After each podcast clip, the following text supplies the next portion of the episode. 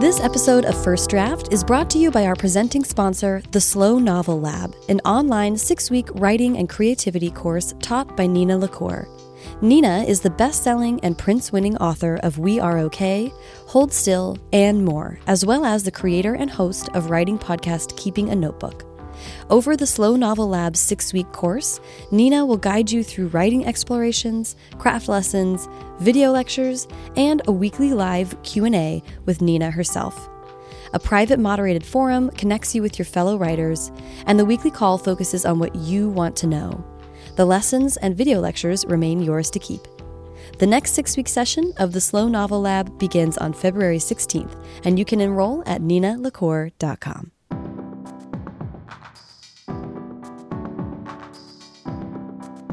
Welcome to First Draft with me, Sarah Enni. This week is a new mailbag episode where I, along with a very special guest, will answer listener questions. Joining me today is Marie Lu, number one New York Times bestselling author of the Legend trilogy, the Young Elites trilogy, the Warcross duology, and more. Her newest book, a historical YA fantasy called The Kingdom of Back, comes out March 3rd. In this episode, Marie and I break down her drafting process, which is so interesting. We talk about Marie's shiny object folder, and she gets into how she learned to refocus on writing after having a baby about 11 months ago. Marie also shares more about Kingdom of Back, and stay tuned for details at the end about her new sci fi novel, Skyhunter, which comes out in the fall. So please sit back, relax, and enjoy the conversation. Hi, Marie. How are you? Hi, Sarah. I'm good. Good. Yeah. It's so good to see you. You too. Thanks for having me on. Oh my gosh. Thank you for having me over. I'm of so course. excited to. Anytime. Yay. I'm Yay. so excited to jump into these questions with you. Yep. Let's jump actually into talking about the Kingdom of Back. Okay.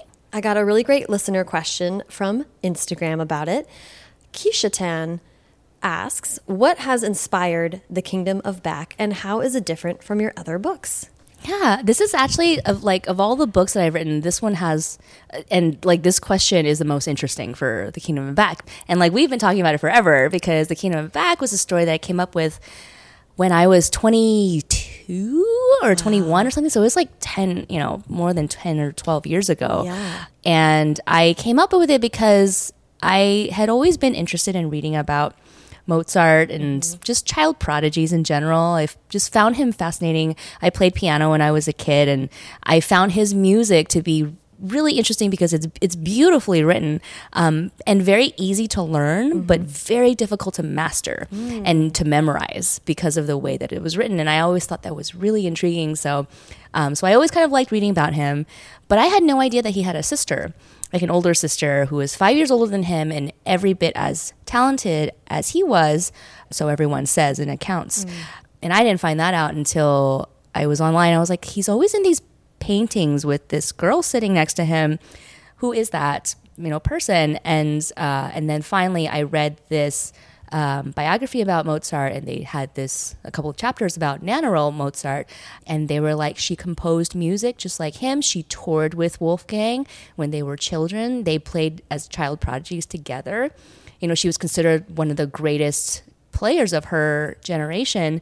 And in letters that she wrote to her brother, they were very close. He would say, like, send me your latest composition. Mm. This is so amazing. I wish I could write like you.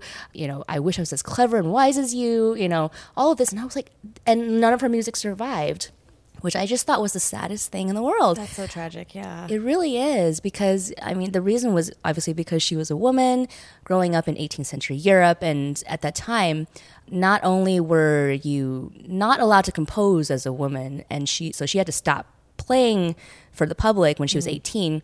The reason was because, you know, back then, if you were a woman and you were entertaining in any way for money, that was considered prostitution. So even what? if you were, yeah, composing music for the public and you got paid for it, or you performed and you got paid for it, that was considered prostitution. Wow. Which is just, I mean, you know, outrageous. Outrageous, yeah. Wow. So that, wow. yeah. So she had such a different tra- trajectory than her brother you know, she once she turned 18, she had to stop. She had to kind of settle into do the wife and mother thing. Mm-hmm. And I just can't help it. I'm like, what if, you know, she Yeah. was probably just as good as Wolfgang, but we'll never know, you know? That is wild. Yeah. I why do I have a hint of a memory of you talking about her letter like Mm-hmm. his letters have been preserved but not hers or something like that? she, I mean, she wrote to him. I think it was mostly her compositions that Got it. we were we were probably talking about her compositions and that, Yeah. that she had clearly written some. Yeah. Um, and actually, like in 2015, there was an article that came out saying from this professor who had been researching this, and he said that he had discovered a third handwriting in one of the music notebooks that they used as Mm. children to practice. And that so there might be some compositions in there written by Nannerl, but not, Oh. you know, inscribed to her. So I thought that was very interesting. She's like anonymous one Wow. on that. So Oh my gosh, that's so crazy. It's fascinating. Oh. Yeah. So And yeah, so that I so like, that's how you gotta got write a book. inspired to write it. That's Or how I got inspired. Yeah. back when you were 22. yeah. This, I mean, this is, I really, really want to hear you talk about this because I don't think we talk enough about ideas that linger and projects that do take a while to come to fruition. So, do you mind talking about the, the long life of this book before it has even come out? Yeah, of course. Um, yeah, like that's why this is kind of weird for me. Like I, I wrote the whole book back then and pitched it. At the time, I didn't have an agent yet. I had a first agent when I was younger, but we weren't able to sell my earlier project, and and I separated from him, and then was kind of on my own for a bit. And so this was my new project that I was submitting, uh, and I got an agent, my current agent, with it, but she's shopped it out. And to be fair, like I don't think the book was quite ready yet for publication. Like I went back and read it, I was like, oh god, like there's just it's a little awkward here and there, and like I hadn't gotten my pacing quite down yet, Right. and and there's a, there were some issues with it. The main issue I think at the time was that historical just did not sell Yeah. at all, and we submitted like half to YA publishers and half to adults, and I think most of the children's publishers thought it was adult, and the adult publishers thought it was children's because Yeah. it just it, it fell into this weird spot. And the book starts when Nannerl's eight years old, and then goes until she's like thirty three. Oh, so Oh, wow. it kind of covers her life, and it, so it was kind of an awkward fit for most categories, and so it didn't sell. And it, we kind of put it aside, and over the years, every now and then, I would go back to it. I'm like, you know, mm. I really love this story, but I just can't, can't make it work. And Kristin would, my agent would say, you know, let's try tweaking this or that, and she would kind of, she would ask around, and every now and then I would get an editor who would be kind of interested, but mm-hmm. then they want like a certain revision or. Mm. It, so it was just kind of up and down constantly. It was just like there, but on the shelf, and Yeah. constantly, you know, in the background. And while I was getting rejected for the Kingdom of Back the first time around, I wrote Legend to kind of distract myself in, from the rejection letters. um, so that was the one that got me in the door. But yeah, it, it took, you know, it took like 10 or 12 years before I finally went back and and I was like, you know what? I really want to try to make this book work because I just I keep thinking about it. It's just one of those stories, you know, mm-hmm. like we were talking about, you know, projects that just linger and Yeah. sometimes, you know, sometimes they're manuscripts that you that you put away and you shelve forever and you know that and you mm-hmm. feel it. You can kind of feel in your heart. You know that you're ready to move on from that project. Yeah.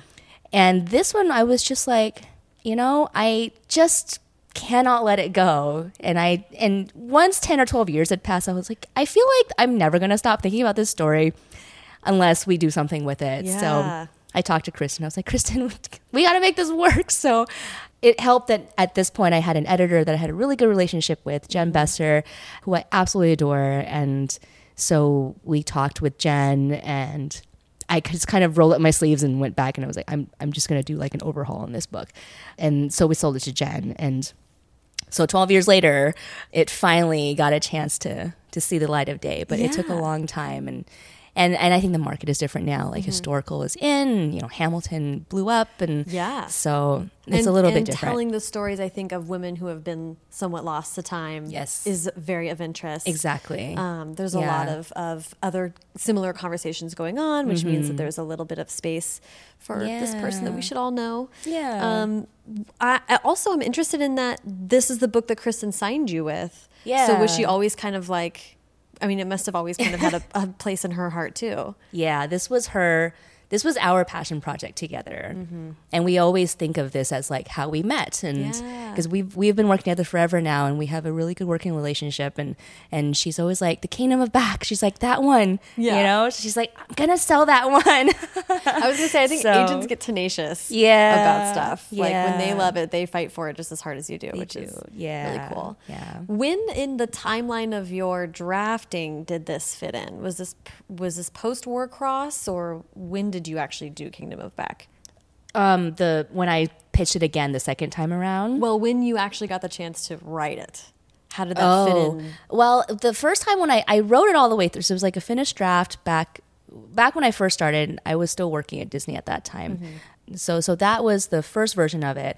And then as the years went on, I would kind of whenever I had a break in between mm-hmm. books, I would go back and like kind of try to do like a rewrite, and it wouldn't work. And and then so I would write. I wrote like the the Young Elites, and I went back after that and did a little rewrite, and that didn't really work out. And and then I after Warcross, like in, in between all of my series, I'm like, okay, today I have a free day. I'm gonna go work on the Kingdom of Back. Yeah. Kristin jokes that she has like she's like I have like 41 versions of this book on my computer. That's so funny. yeah. Uh, But it uh, it finally took. I feel like this is also an interesting one. People should go back and listen to your first episode from 2014, and then we spoke again when Young Elites came out. And I do think it's really f- fun and interesting that you can kind of track how you've been exploring different genres and stuff like that. Yeah. so- I think it's fun that we've talked about this like on multiple, you know, series of, of first draft, which is really fun. It's cool. The the podcast is starting to become something of like a time capsule for yeah. me and my friends, Aw, which is really it. neat. Um, okay, well, I'm so excited to read Kingdom of Back. March 3rd, everyone go check it out. Um, it's different from the rest of your books because though you've written both sci fi and fantasy, this is a historical fantasy. Yes. What was it like wrapping historical in to the genre element? Yeah. So um, I forgot to mention this part of the, the research when I first um, started, but the reason why it was the Kingdom of Back is that the his, historically Nannerl and, and Wolfgang when they traveled Europe and they were in a carriage for like weeks and weeks and weeks and they didn't have iPads or iPhones so they're just like we're really bored. So they invented this magical kingdom together called the Kingdom of Back to entertain themselves. Um, and I just thought that was the most magical historical detail and, Yeah. and I was like I got to write about this. So so so that's how it it started and as I was writing it I I wanted to incorporate the kingdom into their reality. Mm-hmm. So I think that was the part that threw me off a lot early on when I was drafting because I didn't know how to write magical realism mm-hmm. um, and how to make it feel like you could step back and forth between these two worlds. Yeah. So I wrote it initially as a historical with magical elements. And mm. then as the draft went on, there were more and more pieces of the magical kingdom that came mm-hmm. together. Um, which is funny because that's how the story happens too. Like Nannerl was kind of living her life, and then eh, as time goes on, this magical kingdom starts to seep into her reality as well. Yeah, I love that. It's also like so gratifying as an artist to be like, I couldn't have written it this way 10 years ago. Mm-hmm. I waited for it to be, I mean, for the skill to, you know what I mean? Like, Yeah, yeah. um, it's a good thing to keep in mind that we're always getting better. And just because something doesn't work right now doesn't mean it won't exactly. later on. Yeah, So yeah. that's so exciting. awesome. Well, I'm glad that we could talk about it. I'm so excited for it to come out. Thank you. Okay, we have some other fun questions for you. Let's start with an easy one. Are you a BTS fan? Wait, this, this is asked by. Natalia Torres. Wants to know if you're a BTS fan. I feel like anyone with taste is a BTS fan. Ooh, I like it's that. Just they're just awesome and wholesome and fun and Oh, they're so fun. they're so and their music is great. the music is great. What Yeah. really got me into it was watching them dance. Right? I was like, That's how I did. Yeah, because I was like, I'd kind of been hearing the buzz about them Mm-hmm. in the background, and like, I feel like everyone who follows me on Instagram is like, "Do you like BTS?" And I'm like, "Who?" And and I went online, I saw a dance video. I was like, "I get it. I get, I it." get it. and then when they were on SNL, you were just like, wow. Yeah. It's, yeah, they're just amazing. They're so great. Yeah. Love that. So good. Easy. Yes. Yes. Marie is a BTS of fan. Of course. Okay. I thought this was an interesting one because you do write genre uh, mostly. Yeah. Um, how long are your first drafts usually? Yeah, so my first drafts, I feel like in general are kind of short compared to most people. Mm-hmm. I write pretty slow. I, I'm not the I'm I write maybe like a thousand to fifteen hundred words a day, so it's mm-hmm. not. Is that slow? It's I mean it's not like the fast like I some of my friends like I wrote five thousand words a day and I'm like what that's like my entire week's worth of productivity. Yeah. I'm going to You know, pull I us back from saying I that just- that's. I think I think a thousand words a day is pretty good. Thanks, thanks. Yeah. I've come to realize that everyone has their pace, and Mm-hmm. it doesn't really matter if you're a slow or a fast writer. It's Mm-hmm. just who you are as a writer, and you know whatever works for you. So that's what works for me. I like early on, I tried to push myself to write faster, but it just I would just write garb- garbage and Yeah. have to cut it back anyway. Yeah. So. I eventually I realized like you know what this is the pace for me. Um, so whatever works for anyone, Mm-hmm. Yeah. who's being a, a aspiring writer, like that's fine, you Yeah. know. So in general, I'd say my first drafts are between like fifty to sixty thousand words. Okay. so they're fairly short. That is pretty short for Yeah. a genre too. Yeah, for genre too. Like my first draft of Legend was sixty something thousand words, I think, Okay. and for Kingdom of Back it was like fifty seven thousand. It was it was short, yeah. And so I like in revisions. Mm-hmm. That's pretty much where I do all of my work, and then they'll go up to like maybe uh, like for fantasy between like 100 to 110k and then Yeah, I mean you're doubling your word count Yeah. with revisions. That's so interesting. Yeah. What is present in the first draft, and what are you adding in revisions? What elements? Yeah, I feel like my first drafts are basically just the bones I, and the plot, like getting from point A to point B Yeah. with these characters. And there's just, there's not a lot of, like, the dialogue is really sparse. Sometimes they're just saying things like, I am going to go over there today and I need to get to this spot. And the character's like, okay. And that's, that's it. Right. Or sometimes I'll just put in like brackets. I'm like, insert, you know, science here. That, Like, that's basically like Mm-hmm. what I leave, and then in revisions, I'm like, okay, I need to actually figure out the science behind this, or Yeah. Mm-hmm. I need to like add personality into this, you know, character, and and so that's where it kind of expands. Yeah. I like that, but also that's such a benefit to. So then, in your process, when you Mm-hmm. have the kind of bare bones plot focused first draft, who looks at that and who? Mm-hmm. Because I can imagine it's easy to get notes when it's a skeleton. If you have to make big structural changes, it's better to do that at 60k than 120k. Right, right. Yeah, I I usually do a, a one big passive revision on my own before I give it to my editor. Okay. Just because it doesn't make like my draft zero doesn't make any sense. I feel like nobody would understand what they're reading if they were reading my draft zero because there's just like brackets everywhere and you know characters that disappear for no reason. I'm like, mm-hmm. I remember this character disappears, you know, halfway through the book, but my editor would be like, Where did John go? John was eaten alive by something. So I will go back and I kind of have an idea of what big structural things need to happen. And I will do like a huge pass. And so by the time I give it to my editors, usually at like seven to 70 to 80K. Okay. Um, and then after that, I do usually at least like two big rewrite passes on it before Okay. it gets to the point of like smaller things. So Yeah, oh, I like that. Yeah, That's really yeah. cool. And it's very neat that so you found that to be a pretty consistent process. Yeah, yeah. Early on, I was just like, it, it would make me panic because I'm like, oh my god, this is so short. What is wrong? There's like nothing in here, and and I would, you know, ask friends, like, how are your first drafts? But then I, you know, realized it's like the word count thing. It just doesn't matter. Like everyone's process is completely different, Yeah. Yeah. And mm-hmm. they all end up and we all have a book eventually. things, You know, it's so funny. Yeah. Um, I love that. I love you found that. Um, okay, this is a really interesting question. Emily Brontosaurus, which by the way is the most hilarious name, best username. um, wants to know: Do you ever go back and read your own work for fun or enjoyment?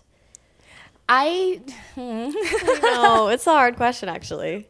I don't know if I've ever had fun going back to read, but I've definitely done it before, just Yeah. out, just for the kick of it. Like Yeah. I, I, I, it usually makes me cringe a little bit because I'm like, what kind of turn of phrase was that? And I can kind of date myself too, and I'm like, Yeah. ah, 2017 was when I learned how to say that, and and then it'll show up like 12 times in my draft, and Yep. I'm like. I'm like, I remember that. And so um, it's kind of embarrassing. It's like going back to, you know, read any old thing that you've done or look at old photos of yourself from high school or whatever. And I'm just like, ew, you know, that hair- vest. haircuts. Like, just, yeah. I feel like it's like looking at old pictures of yourself and reflecting on your hair exactly style or cut Yeah. or color. And you're always like, why? why was this what Yeah, I like, chose? my eyebrows were so thin. Why did I do that to myself? You know? I really left the house like that. Yeah. Uh, yeah, there's a lot of that. Yeah, and like you had mentioned time capsules earlier. Yeah. you know, like you know, every episode of First Draft is like a time capsule of your friends, and um, and I feel like that with books too. Like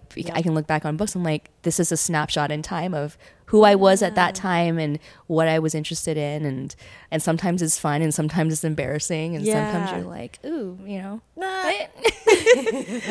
I'm glad that's changed. yeah. I had this um so a group of friends of mine recently did the kindest thing ever. And they took a an advanced copy of tell me everything. And each of them took a turn reading it and t- making notes in it i know which That like so kind. I know. Sweet. I know. Oh, it's I like love it. so special. So going through the book and reading it to read their notes was the most fun that I'd had reading my own work in maybe ever because amazing. It was so special and I really like mm-hmm. You know, I'll cherish that copy forever. But it just seeing where they were like underlining it and, and laughing or Oh, their that so feedback. sweet. that I think was what it took for me to be like, oh, I can wholeheartedly enjoy this experience. Just seeing it's like when your editor gives you notes and actually says like, this is great. You're like, oh, Yeah. I did something, you know, that made someone feel something. Oh, I love that. Very rewarding. It's just something about having, yeah, bringing other people in to, to see your work must be just, it's like funny and sweet and it must be very just, It was kind of like, oh yeah, people Yeah. like uh, you. You know Like, this is why I abstractly that this. people read your books, but to have a, a moment where someone is like pointing out something specific and telling you exactly how they felt about it was like, this is fantastic. Like, thank I you. love it. Yeah. Oh. But I will say, uh, uh, the podcast, I going back and listening to old episodes of this is like torture. that I have had to do, and I've been like, oh god. do you feel weird hearing yourself from back then or? I have gotten so inured to the sound of my own voice, both from doing this for the last five years, but also as a journalist before that. So I've always had to transcribe my own voice. So I don't mind hearing myself talk, but it's the questions and the way that I ask them. Yeah. I'm like, you dumbo, you could have like like stop talking. You know, I'm like I have such opinions about how I conducted the interview or or lost track of it or whatever. Um, the, and then the audio has changed. Uh, as OG listeners know, I way stepped up my audio game about two years ago. So episodes before that are like bad. I'm like, ooh. Well, Ours it's is great. kind of like it. Oh, I'm sure they Ours were. is great Yeah. because we were inside in your quiet house, No, not in a bar or something, which I made the mistake of doing a couple times. I love it. But it's kind of like you get to look back. It's like writing too. You get to look back and you're like, because you can see those things, you Yes. are you know that you are better at doing this now than you used to be. So you're like, I've grown as a interviewer and as a you know, Yeah. podcast creator. It is good. Yeah, those those growth edges. You look back and you're like, okay, I learned that lesson. um, I love that. But no, I wouldn't. I don't usually go back and, and read stuff. It's not always productive. Right. Because it's, it's like it's not something I can change. So, you know, Yeah. sometimes I'm curious and I'll go back and read a passage. And I guess sometimes when I'm like going back to write, like if I'm writing the same series, I need to go back and actually do research and Yeah. stuff. But other than that, I'm kind of like, it's like Rafiki said, it's in the past. Yes. You can't change the past. yes. Oh God, Rafiki, we don't quote him enough. I love that question. though. that was a really good question. Oh, this is okay. We have a really great question from Instagram sent to us by Meg uh, Climo or Climo. Uh, Meg wants to know how do you overcome shiny new object syndrome when picking a project? This is a great question because I think everyone's familiar with the feeling of being Oh, yeah. in the gross middle of a book and it's so hard and you're like, but I have this other idea. And it's perfect and, And- it's so much better. Yes, exactly. And I would never feel this way about that project. Yes. Every time. Yes. Yeah. I have to, I have a shiny object folder on my laptop, and that's how I get over it. It's, I will let myself Mm-hmm. kind of stop what I'm doing and write out like Yeah. a page or just get it, that itch out of my head. Mm-hmm. Sometimes it's a, like a synopsis. Sometimes it's just like a scene that I Uh-huh. envision, or sometimes it's just dialogue or maybe a character or something. Mm. And I'll just write it on like shiny objects folder and I'll put it there so I know it's there. Yeah. And that kind of helps me get out of that system, you know, get that out of my system. Um, And then you you never know. Like I've pulled things out of my shiny objects folder all the time for future Yeah. things. Um, I think uh, Warcross was one of those. Like I, I I knew you know vaguely about this character that I wanted to write about. Um, and it was very it was just so happy and colorful and this like little shiny thing off in the distance i was writing young elites at the time which is just Right. like Dark. darkness like death evil and i was like hmm, i could use some rainbows right now and so i would write that on the side just Mm-hmm. to kind of get over you know my adelina evil Yeah. moments and and then eventually that became a book too so Yeah, I love yeah. that. That's really smart too. To also, I like hearing you say that because you want to honor new ideas when they show up. Also, Right. um, I live in fear of the day that you're, you know, when you're, if you dismiss ideas, Yeah. that makes me feel superstitious. Like one day they'll stop coming because I will have rejected them. So I feel like taking a moment to be like, okay, this is a new idea that's knocking. Mm-hmm. Let's like show it 15 to 30 minutes of respect. right and then like go back to life, you know, um, and then it's and then back it up on a hard drive. yes and yes good advice Yes. put it in the cloud Put it in the cloud. Get it somewhere off just your computer. I've had a couple scary black screen of Oh, death moments recently, yes. so I'm very, Oh, very. no. I know. Yeah. Luckily, it came back, but I was Thank like, sometimes you don't know yeah You never know. yeah That's so great. I, I do the same thing, I would say. Yeah. The other day I went for a run and I just had a full screenplay idea. Oh, I love it. It was nuts. So the rest of the run, I was like, okay, let's map this out. And then I got home and like in my sweaty clothes, I was like, you can't shower until I you write this down. it. Uh, that's when the magic happens. You just like stop everything. Yeah. You know, I'm sweaty. I just went for a run, but Doesn't this- matter. Write my creative out. side is telling me to write this down. Yeah. And it was and it was great. So who knows if that'll ever come to anything. But I, I was like, so. okay, here we go. I am so thrilled that First Draft is being brought to you by the Slow Novel Lab. The Slow Novel Lab is an online six week writing and creativity course taught by Nina LaCour. Nina might be familiar to those of you who have been listening to First Draft for a while. She's the best selling and Printz winning author of We Are Okay, Hold Still, and more. She's appeared on the podcast a couple times. And if you've listened to Nina's interviews on First Draft, or if you've listened to her writing podcast called Keeping a Notebook, which is truly excellent, then you have a good sense of how she is as a writer and, and a thinker, to be honest. She's very thoughtful. She's very meditative, she's very empathetic, and that's reflected in the Slow Novel Lab. Nina is a acclaimed writer, obviously the Printz, no slouch, uh, and she's been teaching writing for many years. Nina was moved to develop the Slow Novel Lab as a direct counterpoint to programs that emphasize speed and word count over process and exploration.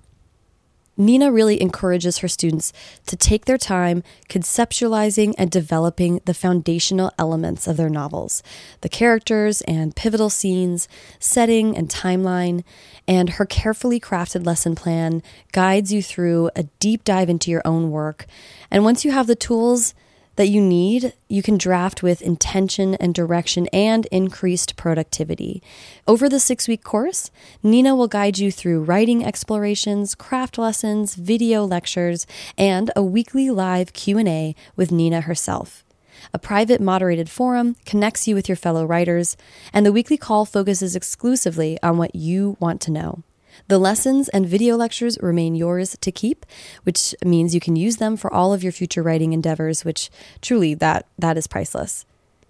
The next 6-week session of the Slow Novel Lab starts on February 16th, and you can get more information and enroll at ninalacour.com.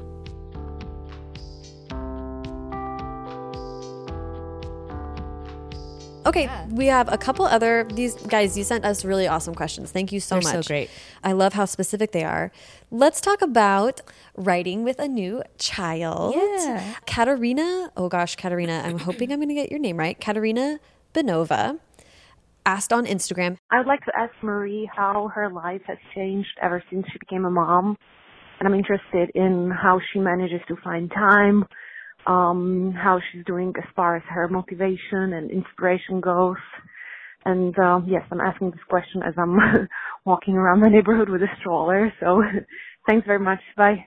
Oh, I love it. Well, congratulations to Katerina. That's so amazing. And like Primo and I just say it's one of those life events where you remember it as your life before and your life after. Because I I mean my my son is 11 months old now, so it's been almost a year and I think back to this time last year and I'm like I can barely recognize myself because it just I know it's like the, the most cliche but truest thing in the world. It just changes you as a person mm-hmm.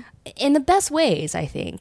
So, and one of those things is how you how your creative mind works mm. because now I find that I've had to relearn how to focus mm. because in my head there is always now a small like a tiny person in, in there who's just like of myself who's just like what what is he doing right now? How is he feeling? Is he is, does he need a diaper change? You know, is he mm-hmm. happy? Is he sad? Is he sleepy? Like what's ha- so? It's just like this constant mm-hmm. voice there.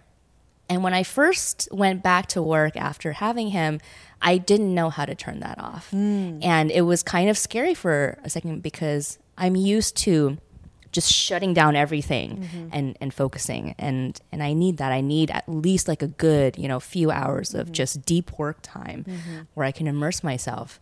And and over time I I've gotten used to it. I think it's just a for me it was a matter of time mm. figuring out how to live with this new voice in my head. Yeah. and the other part is the more practical side of like how do you actually schedule time for yourself now that you have someone who whose every need depends on you. Yeah. And it, a lot of it is trial and error. And mm-hmm. you know, every baby is different. So Right. for me, it was a lot of figuring out, you know, first let's teach him how to nap on his own and do I and then I can have this, you know, segment of time while he's napping or maybe my, my husband can take over from here and mm-hmm.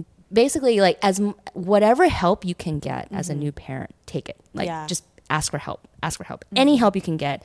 I've, I've always been impressed with how parents get anything done but and mm-hmm. now i am like 10 times more impressed with with like i have friends who have like three or four kids and and they can still you know be creative and productive and i'm just so impressed every time. And i think it's just you know you prioritize things differently and you you try your best to fit things in. And sometimes you don't have the time and that's okay. Like i've had days where i just don't get anything done you know or my husband's not home or like like we're lucky enough to have a nanny sometimes uh, during the week and sometimes she can't come or whatever and it's like you just kind of you just roll with it you know and and there's really nothing you can do about it. And I've learned to be okay with that, like because I've I get so much joy from our new baby that I've realized that I love my writing life. Like it's it's sacred to me to have that.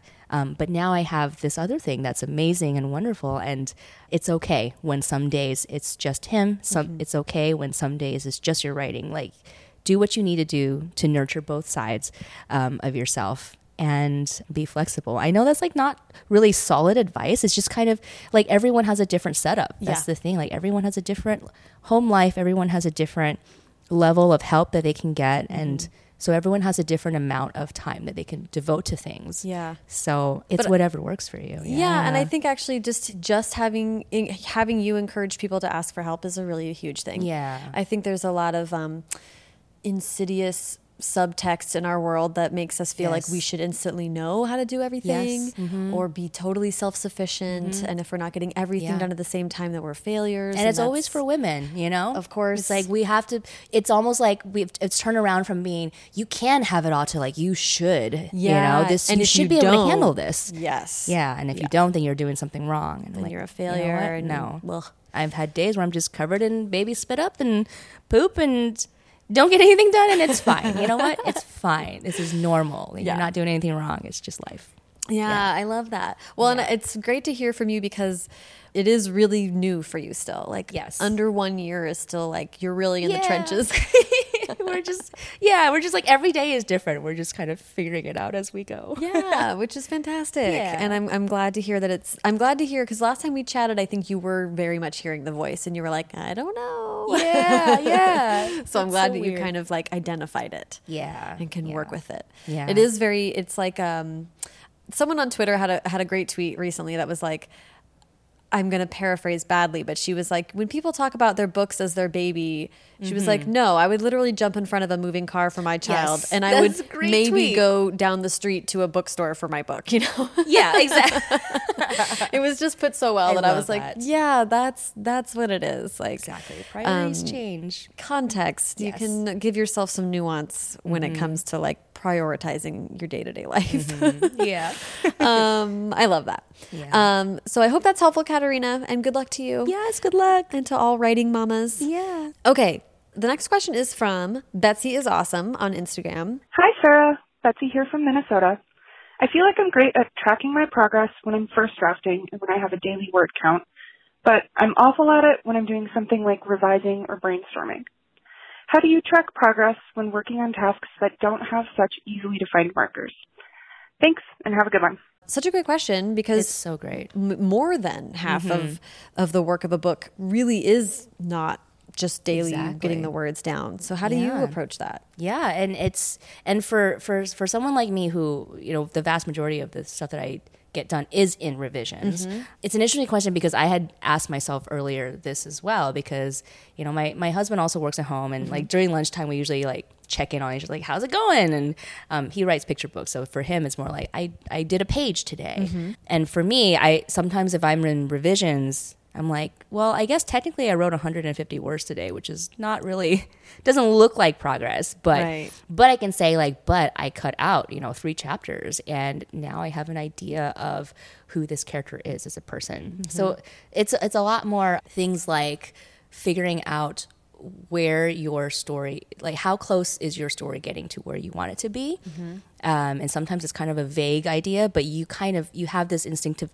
feeling and and it's not something that's quantifiable it's Right. it's i understand my main character's motivation today Mm-hmm. like today i understood this part of her personality Yeah. and that is going to help so much in the next three days of what i'm going to do to track Yeah. this thing and like later on in revisions then i'm like oh i revised 30 pages today or whatever like when you get down Right. to nitty gritty but early on it's a lot of just this piece of the story that didn't make sense to me before makes sense to me today um, and sometimes it's I wrote zero words today, but I figured out this thing, you know, or I completely eliminated this character from the book, which was I recently had to do that. Like I I writ, I had written a book, Skyhunter, which is coming out th- later this fall. I had written it in two points of view, and I need to bring it down to one. So Oh my I had a day where I was just like, yeah, I was just like, today I completely erased a character.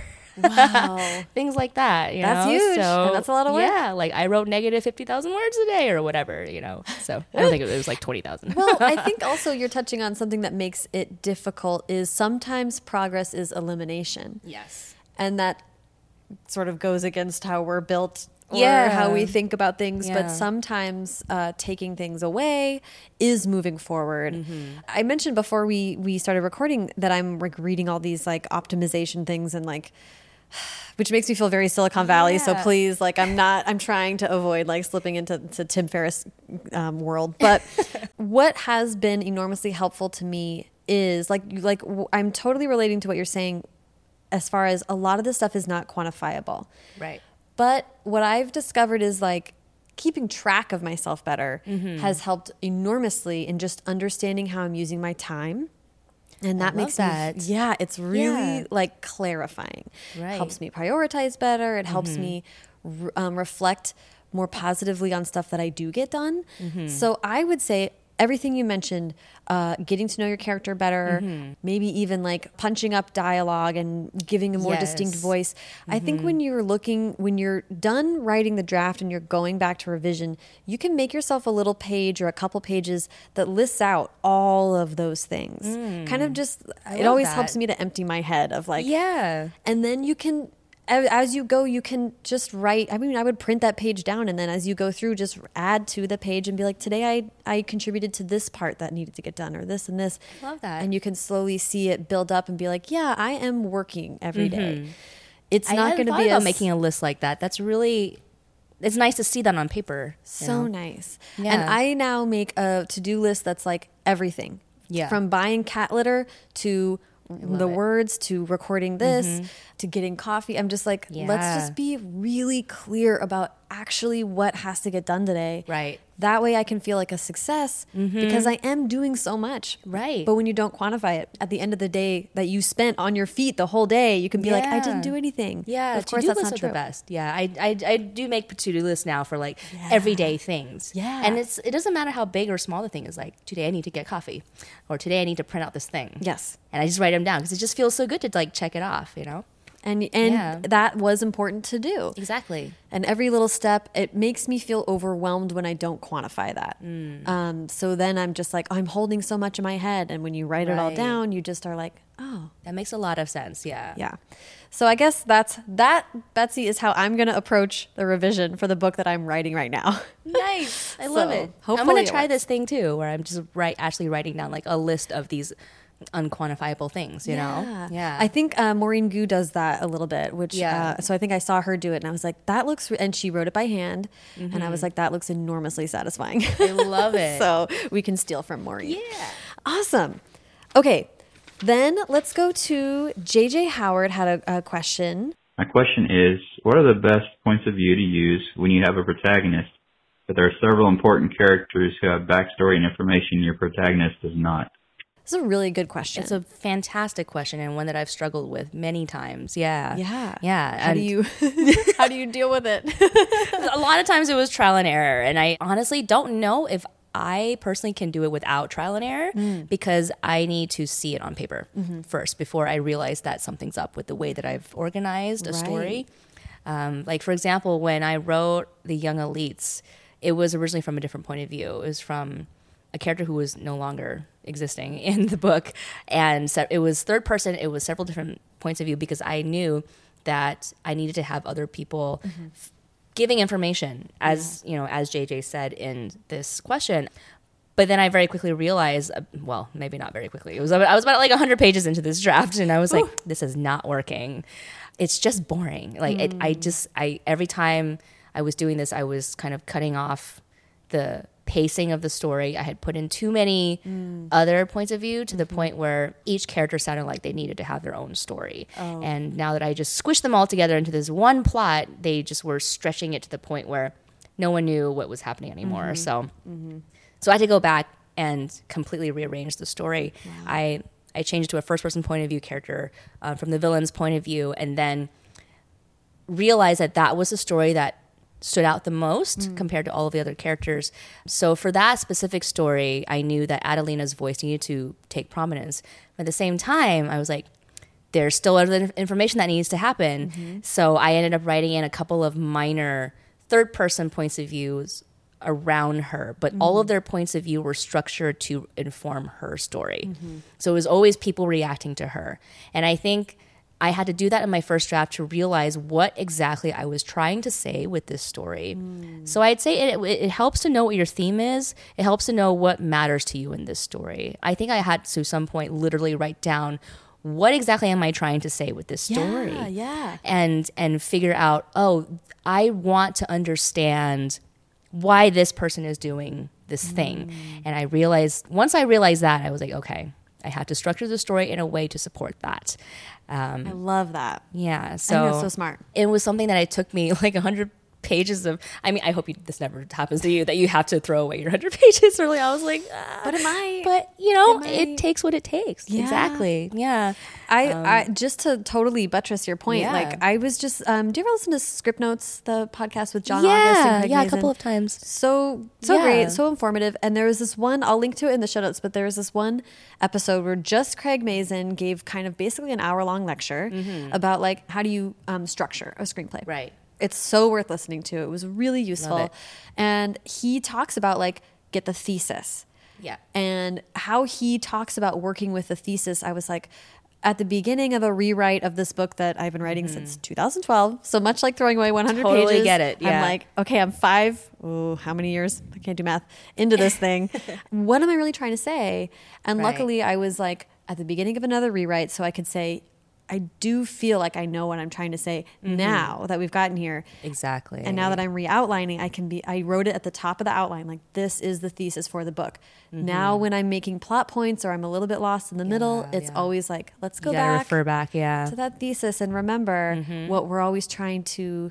And then I'll do like uh, now I'm in I'm drafting, so sometimes the dialogue is like reference back to Yeah. thesis statement. like the teacher, I'm like the the mentor teacher says the the thesis statement, you know, Right. And like it, I'll make it less obvious, but As I'm you like, know, Bob, you know, like I always Yeah. say, yeah, exactly.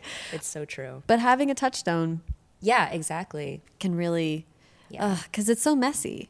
It's so messy, and that touchstone shifts as you write that draft. you know, it's like totally. early on, I had a completely different vision for what I thought the touchstone was. Mm-hmm. Like with Skyhunter, like I had just mentioned, I had to cut down, you know, an entire point of view from from the next book that I'm writing, and I th- thought that this theme that I was writing was about these two people, and eventually I was like.